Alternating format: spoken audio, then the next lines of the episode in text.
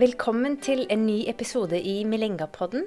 Podkasten for lektorstudenter, lærere og andre som interesserer seg for flerspråklighet i opplæring. Jeg heter Jåke de Vilde og er førsteamanuensis ved Institutt for lærerutdanning og skoleforskning her ved Universitetet i Oslo. I dag har jeg besøk av Shaz Abdurrahman og Karoline Hatvik. Velkommen begge to. Shaz var lektorstudent i norskdidaktikk og leverte masteroppgave i 2020 om flyktninger og kreativ skriving. Og Karoline er UiO lektorstudent i samfunnsfagdidaktikk og leverte masteroppgave bare for noen få dager sia om flerspråklige lesestrategier i samfunnsfagundervisning for ungdommer med kort botid. Nå er det jo en stund siden dere begge to bestemte dere for å skrive masteroppgave om flerspråklighet. Husker dere hvorfor dere valgte å skrive masteroppgave akkurat innafor det feltet her? Ja, så det er jo egentlig veldig mange grunner til hvorfor flerspråklighet er viktig. Eh, jeg valgte flerspråklighet som tema først og fremst fordi at det er et uh, voksende felt eh, som blir stadig mer og mer relevant i dagens skole. Og da er det da slik at alle barn, og voksne i voksenopplæring for så vidt, eh, har et behov for å høre til og delta i læringsfellesskapet. Ikke minst så har min egen flerspråklige bakgrunn vært en viktig drivkraft. Jeg har selv vokst opp med flere språk og gått på norsk skole, der jeg har båret med meg flere ressurser, da. Den tiden jeg gikk på barneskole, så var det mer en tabu å benytte seg av flere språk på skolen i friminuttene, mens i dag så vil jeg forske mer på akkurat dette feltet fordi jeg ser på språk som ressurs. Kjempespennende, Shaz. Eh, så du har valgt å bruke din egen eh, bakgrunn også. Eh, det mm. kan vi gjerne komme litt mer tilbake til etter hvert. Men hva med deg, Karoline? For du har ikke den samme bakgrunnen som Shaz. Ja, nei, jeg har uh, mye mindre, et mye mindre språklig repertoar. Men uh, jeg så veldig tydelig i praksisperiodene mine at de flerspråklige elevene vi hadde, de hadde større utfordringer med lesing av tekster i samfunnsfag, og for så vidt norsk, som er mitt andre fag. Uh, men vi så òg at det var ganske små ting som skulle til for at elevene faktisk hang med, da. Så det var praksis som først åpna øynene mine for at flerspråklighet var et felt som gikk an å skrive masteroppgave om. Eh, og så hadde vi òg seminar i didaktikk som gikk på flerspråklighet. Eh, og da ble det òg veldig tydelig at det er et felt som forskes på, og det fins mye litteratur der som går an å fordype seg i. Om både flerspråklige elever generelt, men òg om lesing spesifikt. For det er noen tydelige, tydelige grunner til at de har de utfordringene som de har. Jeg tror at um, Innenfor norskfaget så har man jo mye pensum, og det blir snakka mye om flerspråklighet. Men innenfor samfunnsfag så er det som du sier, det er et voksende felt. Uh, og det er jo ganske mange Milenga-studenter fra samfunnsfag som uh, skriver om uh, flerspråklighet. Og så er det jo praksisfeltet. Det hører vi ofte at når studenter kommer ut i veldig språklig mangfoldige uh, skoler og klasserom, så kjenner de et behov for mer kunnskap. Så valgte du å benytte den sjansen uh, til å skrive masteroppgave uh, om flerspråklighet. Du, valgte, du, var litt inne på det, men du valgte å skrive om lesing. Kan du si litt mer om det? Ja. jeg har jo som sagt både norsk og samfunnsfag i min fagkrets. Og lesing står veldig sentralt i begge de fagene ut ifra læreplanen, men òg at man møter tekst i veldig ulik, altså mange ulike former i fagene. Eh, og jeg syns det var veldig interessant å se hva spesifikt i samfunnsfaget er det som gjør at tekstene her er utfordrende for flerspråklige elever. Eh, og at det er, det er, forskning på at man må trekke mange flere slutninger i samfunnsfaglige tekster som ikke står eksplisitt, enn det man gjerne må i norsk, eh, altså tekster i norskfaget. Så det var nettopp det med at lesing er så sentralt. Og det utgjør liksom en stor del av skolehverdagen for elevene. Så å se på hva som går an å bruke og gjøre for at de skal rett og slett få et større faglig utbytte da, av lesing, med å bruke ulike eh, små strategier. Både fra elevene, men òg hva lærerne kan gjøre. Mm. Det er jo morsomt å finne et sånt tema da, som er både flerspråklighet og samfunnsfag didaktisk relevant. Eh, spennende. Og Shaz, du valgte ikke lesing, men du valgte skriving. Det stemmer. Mm. Hva tenkte du da du valgte det? Var det et lett valg, eller måtte du leite litt i litteraturen for å finne ut hva du hadde lyst til å skrive om? Hovedfaget mitt er jo norsk, og eh, å utvikle gode skrive, eh, skriveferdigheter er gjennomgående i norskfaget. Men av studier som har blitt gjort i perioden, eller første perioden i andrespråksforskningens i Norden, så er det da studier om skriving på språknivå som har vært dominerende. Og i disse studiene så har formålet vært å analysere typiske innlæretrekk og utviklingen av mellomspråket. Jeg har norskfaget som hovedfag, og i norskfaget så er utviklingen av skriveopplæring svært nødvendig. Av studier fra den første perioden i andrespråksforskningen i Norden, så er det studier om skriving på språknivå som har vært dominerende. Her har formålet vært å analysere typiske innlæretrekk i språket og utviklingen av mellomspråket. Derfor er det slik at mangelen på forskning rundt andrespråksforskning som fokuserer på den sosiale situasjonen som skriving inngår i, ganske stor. Og det er litt av grunnen til at jeg valgte å, fokusere på skriving, fordi det å produsere kreative tekster er svært nødvendig for disse elevene, som gjerne bor med seg flere språk. Og det er litt av grunnen til at jeg valgte å skrive om skriving. Spennende, Shaz. Eh, vi hører gjerne litt mer om, eh, om akkurat denne gruppa eh, med flyktninger etterpå. Men Karoline, hvis Det er sikkert som man ofte blir spurt om når man har levert. Hva er de tre viktigste funn som du håper at dine lesere sitter igjen med? Hva ville du svart da? Eh, ja, jeg har jo prøvd å tydeliggjøre disse tre hovedfunnene mine. Eh, men først og fremst så vil jeg jo påpeke at i min masteroppgave så blir det veldig tydelig at elever gjerne behersker flere språk, og veldig ulike språk, men at de har ulik erfaring med å bruke de språkene. Eh, noe som da vil påvirke hvordan de kan bruke flerspråkligheten sin i undervisning, og hvordan det oppleves for de å være flerspråklig. Ja. I tillegg så fant jeg at eh, elevene de bruker veldig ulike lesestrategier i møte med tekster på ulike språk, oversatt eh, til førstespråket sitt og at flere av de opplevde å forstå mer av innholdet i den norskspråklige samfunnsfaglige teksten etter å ha lest både på norsk og på førstespråket sitt. Og det siste funnet jeg vil trekke fram, det er at eh, i tillegg til de språklige ressursene elevene har med seg, så har de òg mange forskjellige kulturelle erfaringer og kunnskaper eh, som da kan bidra til å utvikle deres eh, faglige forståelse i samfunnsfag. Så både å videreutvikle forståelsen, men òg utvide deres kunnskap.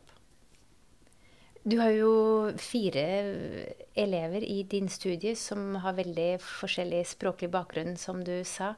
Kan du gi et eksempel på en elev? Ja, altså eh, Jeg hadde noen av informantene mine hadde da eh, eh f.eks. arabisk som sitt første språk, og norsk da som eh, sitt andre språk. Og da var de veldig vant til å bruke arabisk eh, på skolen og i hverdagen, eh, både i og utenfor skolen.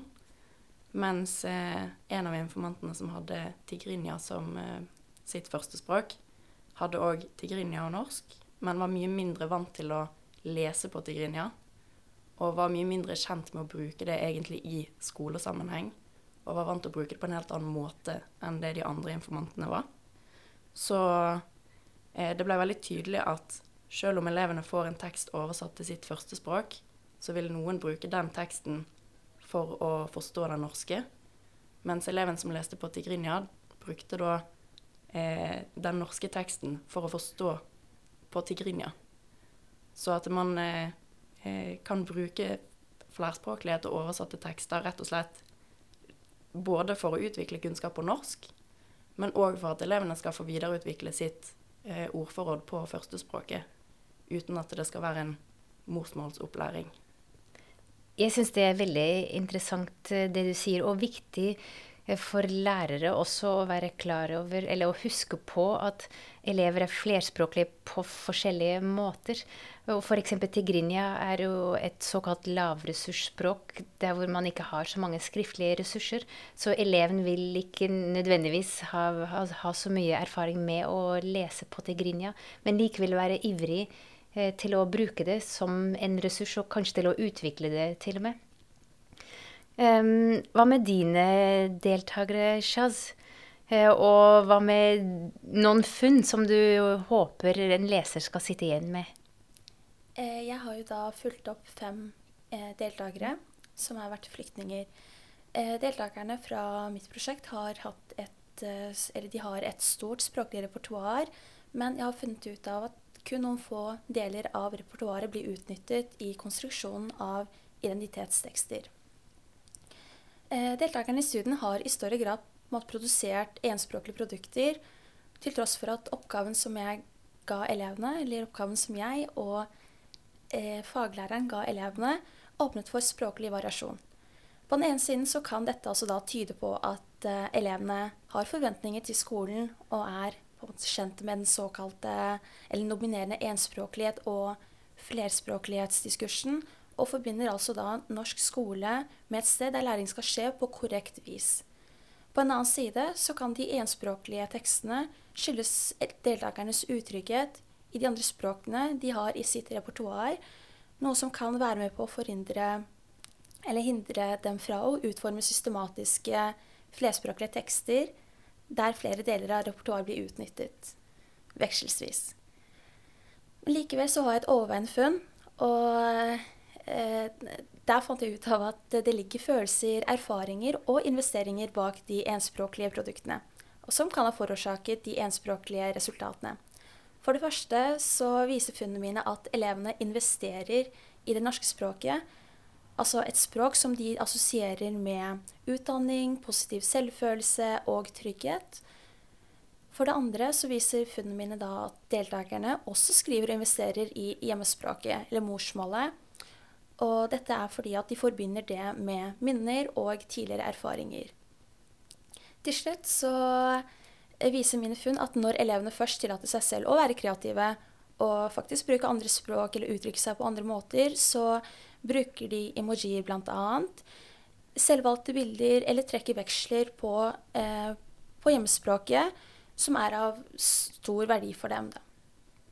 Ja, og i din studie så har du jo gått utover språk, men også Eh, symboler eller bilder eller andre måter å uttrykke seg på. Og det tenker jeg jo er viktig i sånn kreativ skriving, at de kan uttrykke seg på ulike måter.